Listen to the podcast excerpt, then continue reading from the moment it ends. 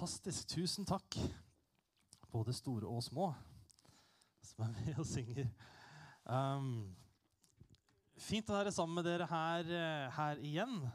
Og fantastisk at vi fikk klementiner. Eh, mandariner. Klementiner? Mandariner? Det er klementiner. Ja, jeg går alltid i surr. Klementiner. Uh, jeg, jeg, har alltid vært litt sånn puritaner på liksom jul og julestemning. Når begynner man? Hvis det er første søndag anvendt, da er det liksom lov til å begynne liksom å spise sånn pepperkaker og, og, det som er, og kanskje pynte litt til jul og sette på litt julemusikk. Og så har jeg en kone som, eh, som ikke er enig i det. Eh, og som stort sett får det som hun vil på, på sånne ting. Så liksom julepynten den, er, eh, den ligger klar i bokstavelig talt i ganga. var, hos, eh, var hjemme hos svigermor og kom tilbake med en eske med julepynt som vi selvfølgelig trenger. Uh, men det var deilig å begynne å liksom, Jeg tror jeg spist fire stykker allerede. Og liksom kjenne den lukta i fingrene. liksom sitter, Åh, nå er det snart jul. Det er fint. Ikke enda, men snart. Um, forkynnelsen denne høsten den tar utgangspunkt i visjonen til menigheten som vi vedtok i vår, altså våren 2021. Um, I tillegg til at det er liksom utvalgte bibeltekster til, til hver lunsjsamling. Og visjonen vår, den er Vi tror på Guds kjærlighet til alle mennesker. Og vi vil derfor elske og tjene Han, hverandre og våre naboer, og sammen bygge et levende menighetsfellesskap. Så den gir, Visjonen vår den gir liksom en kort oppsummering av det vi tror på. Ikke en uttømmende forklaring, men en kort oppsummering. Vi tror på Guds kjærlighet til alle mennesker. Og så er den et utgangspunkt for det menigheten gjør. Det er å elske og tjene Han, hverandre, våre naboer. Og sammen bygge et levende menighetsfellesskap. Så har menigheten vår også fem verdier. De fem r-ene. Rotfestet, raus, relevant, rocka og relasjonell. relasjonell. Og om visjonen vår det er liksom veien vi skal gå, retningen vi skal ta, så er verdiene våre det er liksom veiskiltene som forteller oss noe om hvordan vi skal være på veien. Altså, ja, Mens vi elsker og tjener, og mens vi bygger et menighet, levende menighetsfellesskap, så skal vi være rotfestet, rause, relevante, rocka og relasjonelle. Um, og denne, denne høsten her så bruker vi liksom to ganger hver, to samlinger på hver av de tre delene av visjonen. Så nå har vi hatt to ganger om Guds kjærlighet til alle mennesker. Vi har hatt én gang om å elske og tjene han, hverandre og våre naboer. og Da var fokuset på tjeneste, altså tjene hverandre. Og i dag så er det på å elske hverandre. Ehm, forrige gang, for to uker siden, forrige lunsjsamling, så delte jeg litt om at vi kalles til tjeneste. Og Vi leste en eh, bibeltekst om eh, Jesus og etterfølgerne hans. De er på vei til Jerusalem for å feire påske. De er snart framme. Ikke helt, men de er snart framme. Og i jødisk tradisjon så hadde man liksom en forventning om at Messias, liksom frelseren, den nye kongen, den som skulle redde dem fra, fra liksom okkupasjonen, den romerske okkupasjonen, at han skulle stå fram i Jerusalem ved påsketider. Og det var nok en ganske stor forventning blant mange av etterfølgerne til Jesus om at det var Jesus. Når de kom fram til Jerusalem, så skulle han innsettes som konge. Han skulle stå fram som den lederen han skulle være. Og I denne teksten som vi leste sist gang, så var det moren til to av disse disiplene som spurte liksom, når du krones, kan gutta mine sitte til venstre og til høyre for deg, liksom, få hedersplassene i ditt rike. Og Jesus sitt svar er at hvis du vil bli størst, så må du bli en tjener. Og Han spør også om de kan drikke av det begeret som han drakk av. Altså, Kan de gå den veien han gikk? Kan de lide den skjebnen som han led? Og jeg sa at vi kalles til å drikke av begeret og ikke til å innta tronen. Altså Vi kalles til å gå tjenesteveien og være tjenere for andre. Ikke å søke makt og innflytelse ved å sette oss selv på tronen. Vi kalles til å være tjenere. Og så har vi snakket om Guds kjærlighet til oss, men hva med vår kjærlighet? da? Hva med liksom vårt svar på hans kjærlighet? Og det er det som er temaet i dag.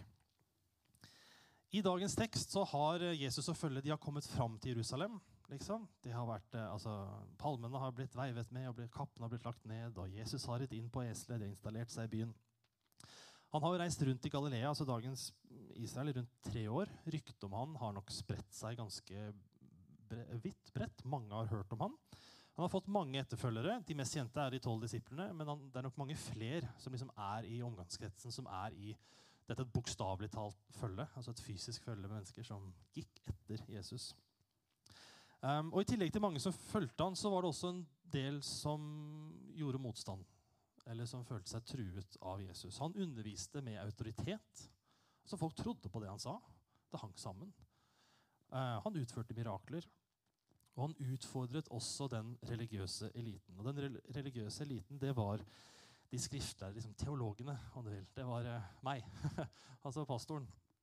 Um, og eh, De skriftlærde var, liksom, de var ikke en, en homogen gruppe. Det var ulike partier og grupperinger, ulike skoler. Men, men, de fikk etter hvert til felles at de ønsket å stoppe Jesus. Og I forkant av den teksten som vi skal lese nå straks, i forkant av den, så har de prøvd å liksom arrestere han, altså Ikke fysisk, eller det også, men de har prøvd å arrestere han i hans lære flere ganger. Så de har utfordret ham i samtale.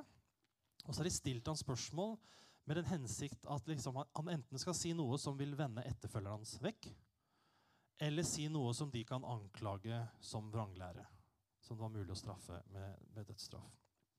De har spurt han om hvilken autoritet er det du underviser med. Altså Med hvilken autoritet er det du snakker om Gud med? De har spurt han om det er lov til å betale skatt til keiseren. Keiseren på den tiden ble jo sett på som en guddom, en man skulle tilbe. og De prøver å utfordre er det er det lov til å altså, tilbe keiseren. Det er jo egentlig det De spør om. De har spurt han om oppstandelsen, og så er det en kar som kommer med et sånt merkelig eksempel. Man sier hvis det, er, hvis det er syv brødre, da, og så har du en kvinne som gifter seg med den ene broren, og så dør han. Og så gifter enken seg med bror nummer to, og så dør han. Og så går hun liksom gjennom hele rekka, og til slutt så har hun vært gift med alle syv brødrene.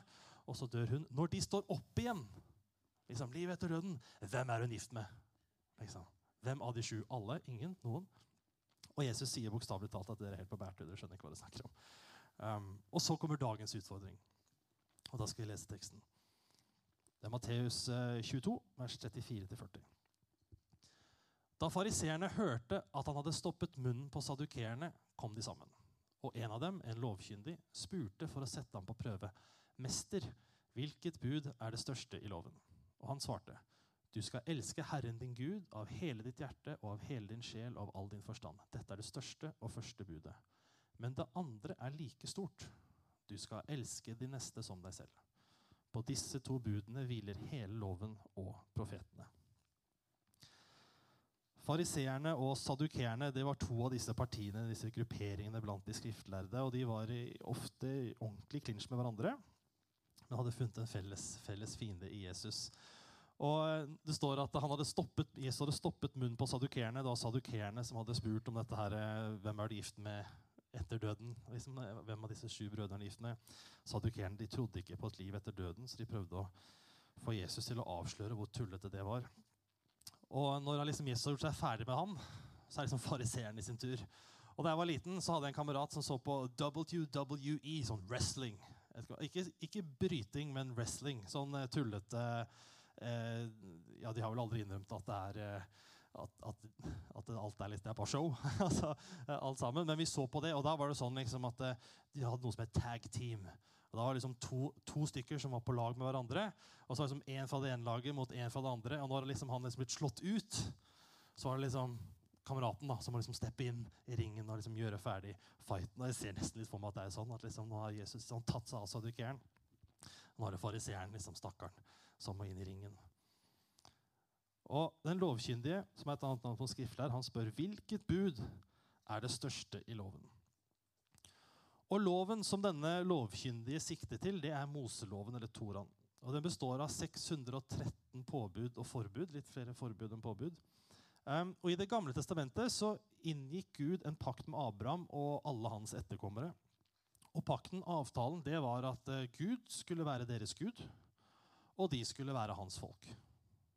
Altså Gud utvalgte Abraham og alle hans etterkommere. og Da var det snakk om liksom, familien hans. Dere er mitt folk, og jeg skal være deres Gud. Og Loven ble ifølge tradisjonen gitt til folket, altså gitt til Guds folk ved Moses på, på Sinai-fjellet. Er disse kjente altså ikke fysiske bildene, men også maleriene da, av, av, Moses som kommer ned fra fjellet med disse steintavlene da, med, med alle lovene på.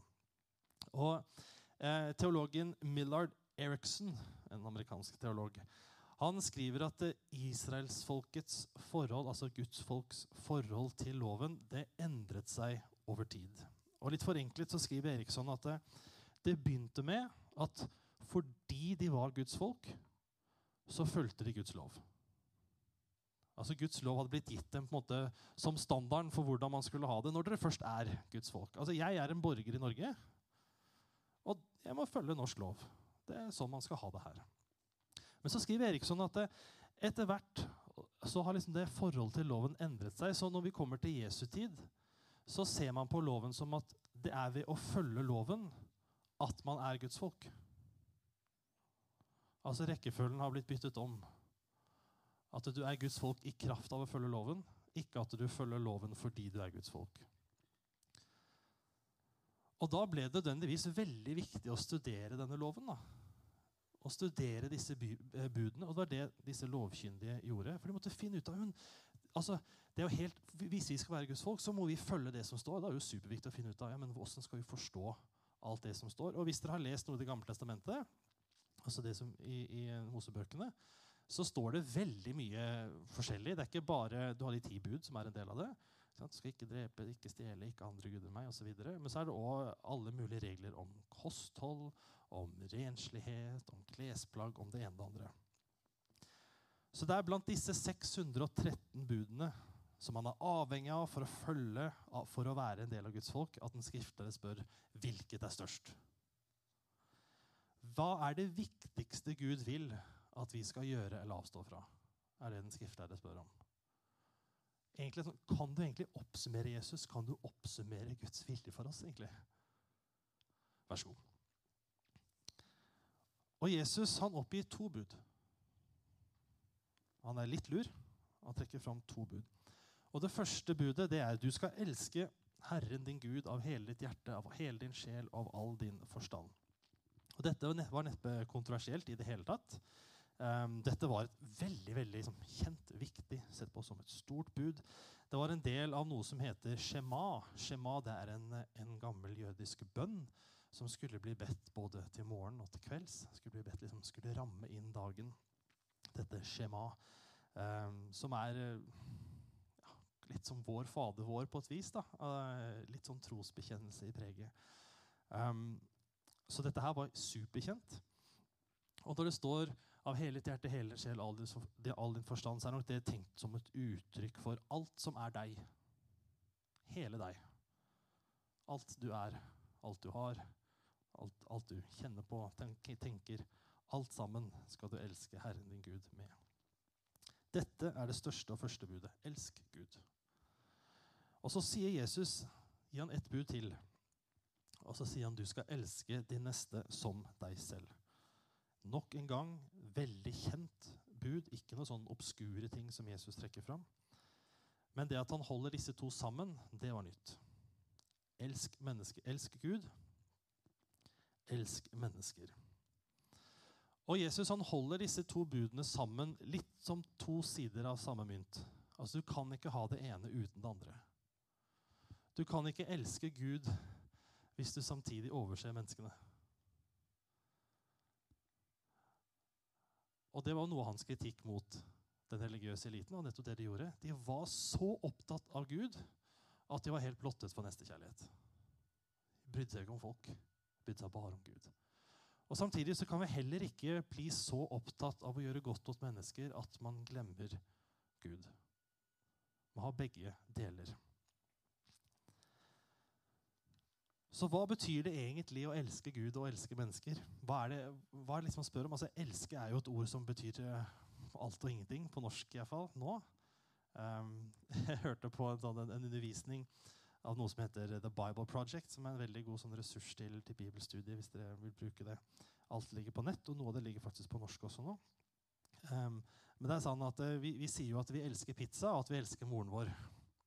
Og så sier han at hvis det er samme kjærlighet, så har moren din stor grunn til å bli skuffa. Altså, det betyr, det betyr ja, Så hva, hva, er det liksom Jesus sikter til? Er dette her å være glad i pizza? Eller å elske moren din? Hva er, det, hva er det han mener? For En av hans sterke liksom, kritikker mot de skriftlærere det var at de fulgte budene. De var de gode på, men bare i det ytre. Altså, Det så veldig fint ut utenpå. Veldig prektig. Og så var det råttent inni. Og En gang så sier han til disse fariseerne sier han, dere gjør beger og fat rene utvendig, men innvendig er dere selv fulle av griskhet og ondskap. Dere er hyklere. Dere betaler skatt i tempelet, og så misbruker dere de fattige. liksom. I en annen samtale med noen fariseere siterer Jesus en gammeltestamentlig profet, Hosea, som også i sin samtid kritiserte religiøst frafall og, og hykleri. Og han sier liksom på vegne av Gud altså det er barmhjertighet jeg vil ha, ikke offer. Altså Det er den indre omvendelsen som omsettes i handling. Det er det jeg vil ha. Ikke bare mye sånn ytre staffasje. Første gang jeg brukte ordet staffasje i mitt liv, tror jeg. Um, for Jesus han, han anklager disse fariseerne for å opptre pent og pyntelig og religiøst rett, men uten den indre omvendelsen, uten at de elsker sin neste som seg selv. Og Det greske ordet som brukes, eller som oversettes til norsk til 'elske', det er agape. Agape er et av fire greske ord som, som, som betyr kjærlighet. Du har eros, som, som, vi har det norske ordet erotikk eller erotisk kommer fra. Um, som er, handler om mer sånn romantisk, lidenskapelig kjærlighet. Storge er mer sånn familiekjærlighet. Det er liksom kjærligheten en forelder har til sitt barn. Eksempel. så har du fileo. Jeg vet ikke om jeg har skrevet det helt rett. altså. Men, uh, men uh, fileo, som er en vennskapelig kjærlighet, det er, det det vennskap man har mellom venner. Og så har du agape. Og agape det er uselvisk, selvoppofrende kjærlighet. Som liksom i greske, altså, blant de greske dydene ble sett på liksom den øverste formen for kjærlighet. Uselvisk, selvoppofrende kjærlighet. Så agape er ikke først og fremst en, sånn, en emosjonell tilknytning. Det er ikke liksom en connection. Det er, ikke, det er, ikke, først og fremst å være glad i noen. Selv om det kan romme det også, men det er, ikke, det er ikke det det først og fremst er. Men det er villet handling. Altså agape er handling. Her er det ikke bare tanken som teller. Her er det det du gjør, som teller. Så når Jesus ber oss om å elske våre fiender, så ber han oss om å agape våre fiender. Han sier ikke nå må du være glad i mennesker som hater deg. Liksom, nå må du bli glad for at liksom, eh, han karen som, du, som bare det er helt umulig, kommer på besøk. Liksom. Nå må du føle deg bra. Altså, det er ikke det han spør om. Men han sier at overfor det mennesket så ber jeg deg om å vise uselvisk og selvoppofrende kjærlighet. Det å sette hans beste foran ditt eget. Eller hennes beste. Agape, det er å agape noen, eller å elske noen med agapekjærlighet, det er å sette den andre, vår neste, først.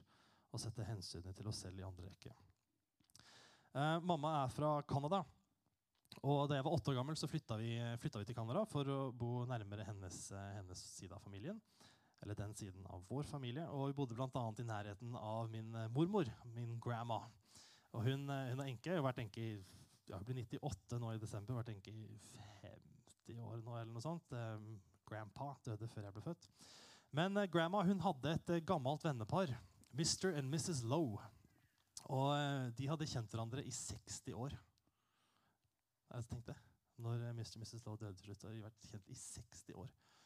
Og Mr. Lowe han hadde vært i Sjøforsvaret og tjent sammen med min bestefar, så han liksom hadde masse sånn, gamle historier å fortelle om når de har liksom vært på seilas og tokt. og det ene og det andre. Var kjempespennende. Og de var liksom våre liksom bonusbesteforeldre når vi bodde i Canada. Så De hadde liksom voksne barn og barnebarn som bodde langt av sted. Så de var liksom våre bonusbesteforeldre. Liksom. Så Mr. Lowe han hadde alltid med seg is når han kom på besøk. Det herlig. Og så, og så fikk Mrs. Lowe så fikk hun Alzheimers. Og så havnet hun på pleiehjem, på lukka avdeling, eh, fordi hun var såpass borte i hodet, men var likevel såpass eh, god fysisk form at hun, at hun, var en som typisk kunne vandre av sted og ikke komme tilbake igjen. Så hun måtte bo på lukkeavdelingen. Kjempetrist. Og Mr. Lowe han besøkte henne hver dag. Og En gang så fikk jeg lov til å bli med på besøk sammen med Mr. Lowe. Jeg er litt usikker på hva de heter, egentlig, men det har liksom alltid vært Mr. og Mrs. Lowe. Litt annen kultur der. Men eh, jeg var med på besøk, og det var, det var liksom fint å se henne igjen. Og så var det samtidig veldig trist. Hun var forvirret, hun var sint, hun hadde lyst til å bli med. Og så kunne hun ikke det, og så var det liksom hjerteskjærende øyeblikk til slutt. Da, liksom, man må bare nesten dytte henne litt inn, og så lukke døra. Og Jeg fikk snakka litt med Mr. Lowe etterpå og spurte liksom, hvordan går det med deg. Og så sa It hurts, but I love her. Og det er agape det er å sette et annet menneske først i handling uten å kreve eller forvente noe tilbake. Også når det gjør vondt. Også når det er smertefullt. Og når jeg forberedte meg her på kontoret i stad og leste gjennom dette, her, så kom jeg på at her må det sies noe. For dessverre så er det sånn at i noen kristne eh, sammenhenger så har det blitt holdt fram som et ideal Dette er riktig, at man skal sette andre først. Um, og så har det dessverre også blitt sånn at uh, det er mange mennesker som igjen dessverre uh, lever i usunne forhold. Eller har usunne relasjoner. Enten det er at man blir fysisk mishandlet, eller seksuelt misbrukt, eller emosjonelt eller psykisk mishandlet. Um, og så har det noen, gang, noen kristne settinger liksom blitt framholdt som et ideal at om du lever i en sånn type relasjon, så skal du liksom bare tåle det. Og bare fortsette å elske. Ofte er det han da, som er synderen her. Og fortsette å elske han. Og det er ikke det dette idealet er. Det er utrolig viktig å si det rett ut. At Hvis du eller noen du kjenner lever i et sånt forhold, så tror jeg det beste er å komme seg ut. Jeg vet det ikke er lett, jeg vet det kan være kjempevanskelig, men jeg tror det er det beste. altså, komme seg ut. Det er ikke et sånt krist, eller Jeg har ikke lyst til å stå her og si at det er kristne ideal, det Jesus ber dem å gjøre, det er bare å sitte og tåle det. Det er ikke det jeg mener i hvert fall når jeg sier å sette et annet menneskes beste først, også når det gjør vondt. Er vi med på, vi med på det? Ja, bra. Men det er som Mr. Lowe gjorde. Å sette kona si først. Selv om hun til slutt ikke kjenner han igjen. Det var vondt for han. Den, den, det er det jeg mener. Agape det er også det Jesus viser oss gjennom sitt liv og til slutt gjennom sin døde oppstandelse. Det er agapekjærlighet. Det er ikke eros. Det er ikke noe sånn romantisk over det. Man kan av og til få inntrykk av det i en del uh, lovsanger. At, uh, at, uh, og, og, for så vidt forkynnelse også. At måte, kjærligheten mellom Gud og oss mennesker er liksom romantisk. Eller sånn lidenskapelig på grensen til liksom, seksuelt, faktisk. Um, det er ikke det. Og det er heller ikke en sånn storge-kjærlighet, eh, som er sterk. Det er ikke en fileo-kjærlighet, men det er agape. Det er selvoppofrende og uselvisk kjærlighet. Og Gjennom hele sitt liv så ser vi at Jesus går liksom unna deg for å se til mennesker som trenger trøst, som trenger legedom, som trenger oppreisning, som trenger tilgivelse, som trenger fellesskap. Også når det koster han. Også når det gjør han upopulær. Også når han er sliten, faktisk. Også når eh, det gjør at han risikerer livet sitt. Og når han henger på korset, så er det faktisk noen som roper 'Frels deg selv', da. Stig ned fra korset. Og det hadde Jesus makt til å gjøre. Han sier i Johannes 10 at 'ingen kan ta mitt liv, jeg gir det frivillig'. Altså Jesus kunne latt være. Han kunne sagt mm, tanken som teller, da, sant? og så steget ned fra korset. Men han gjorde det ikke. Han satte ditt og mitt beste først i handling og ga sitt liv for oss. Og Vi som tror på Jesus og vi som ønsker å følge han, vi inviteres til å delta nettopp i Guds kjærlighet, i Guds agape. For når vi elsker våre nester, som ikke bare begrenses til våre venner, eller våre, de vi er glad i, eller vår kirke, eller de naboene som vi kommer godt overens med, gjelder alle våre medmennesker. Når vi elsker vår neste, så, det, så blir det liksom en forlengelse av Guds kjærlighet i verden. Så vil du elske Gud, elsk mennesker med agapekjærlighet. Og vil du elske mennesker, så la deg elske av Gud. Vi må holde begge to sammen. Så i Hånes misjonskirke, når vi tror på Guds kjærlighet til alle mennesker, så er det at vi tror på Guds agape til alle mennesker. Vi tror på Guds uselviske, selvoppofrende kjærlighet til alle mennesker. Og det vi ønsker å gjøre, det er å agape og tjene Gud, hverandre og våre naboer.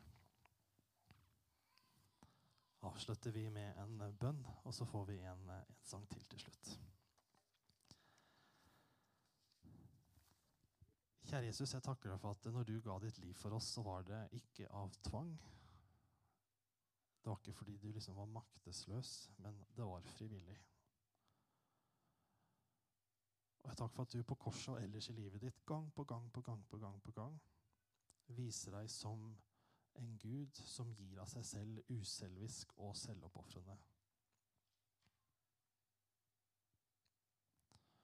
Og jeg takker for at den kjærligheten den elsker også oss med i dag. Og jeg ber deg om din hjelp til å ta den imot. Til å la det bli det som former oss, og som former livene våre. Og så ber jeg om din hjelp til å elske og tjene deg, hverandre og våre naboer. Og du vet bedre enn noen av oss her at det, det kan være så utrolig krevende eller slitsomt eller vanskelig eller uinteressant noen ganger. Og tilgi oss, Herre, når vi ikke gjør det. Og hjelpe oss til å vokse i din kjærlighet, sånn at det blir litt mer agape her på Holnes, Leivåsen og Tveit. Så ber jeg om din velsignelse for eh, resten av denne dagen og for alle som er her, og som ikke er det. Amen.